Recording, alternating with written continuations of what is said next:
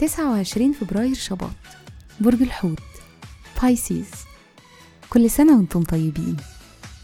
الصفات العامة للبرج صاحب الرؤية العاطفي المنقذ الحالم والشاعر الكوكب الحاكم لا يوجد.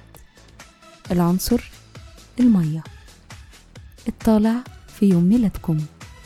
رحلة الحياة لحد ما توصلوا لسن العشرين بتكونوا حساسين وعاطفيين.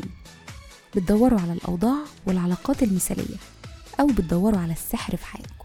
من سن 21 بتبدأوا تبقوا واثقين أكتر في نفسكم وطموحين وحاسمين أكتر. عادة بتبدأوا مغامرة جديدة أو بتاخدوا مبادرة في علاقاتكم بالآخرين. الشخصية مبدعين ودراميين وعندكم احتياج كبير للتعبير عن نفسكم. لو ما قدرتوش تعبروا عن أحاسيسكم وأفكاركم بتصابوا بالاكتئاب والإحباط.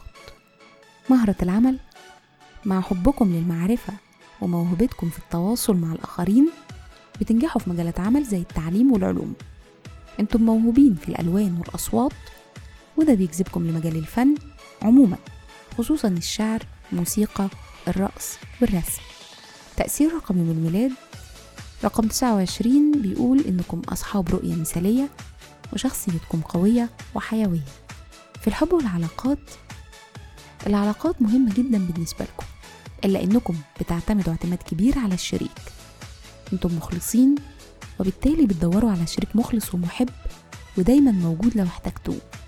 بيشارككم في عيد ميلادكم نجم الرأي الجزائري الشاب خالد بابا الكنيسة الرومانية بولس الثالث والموسيقى الإيطالي روسيني. وكل سنة وأنتم طيبين.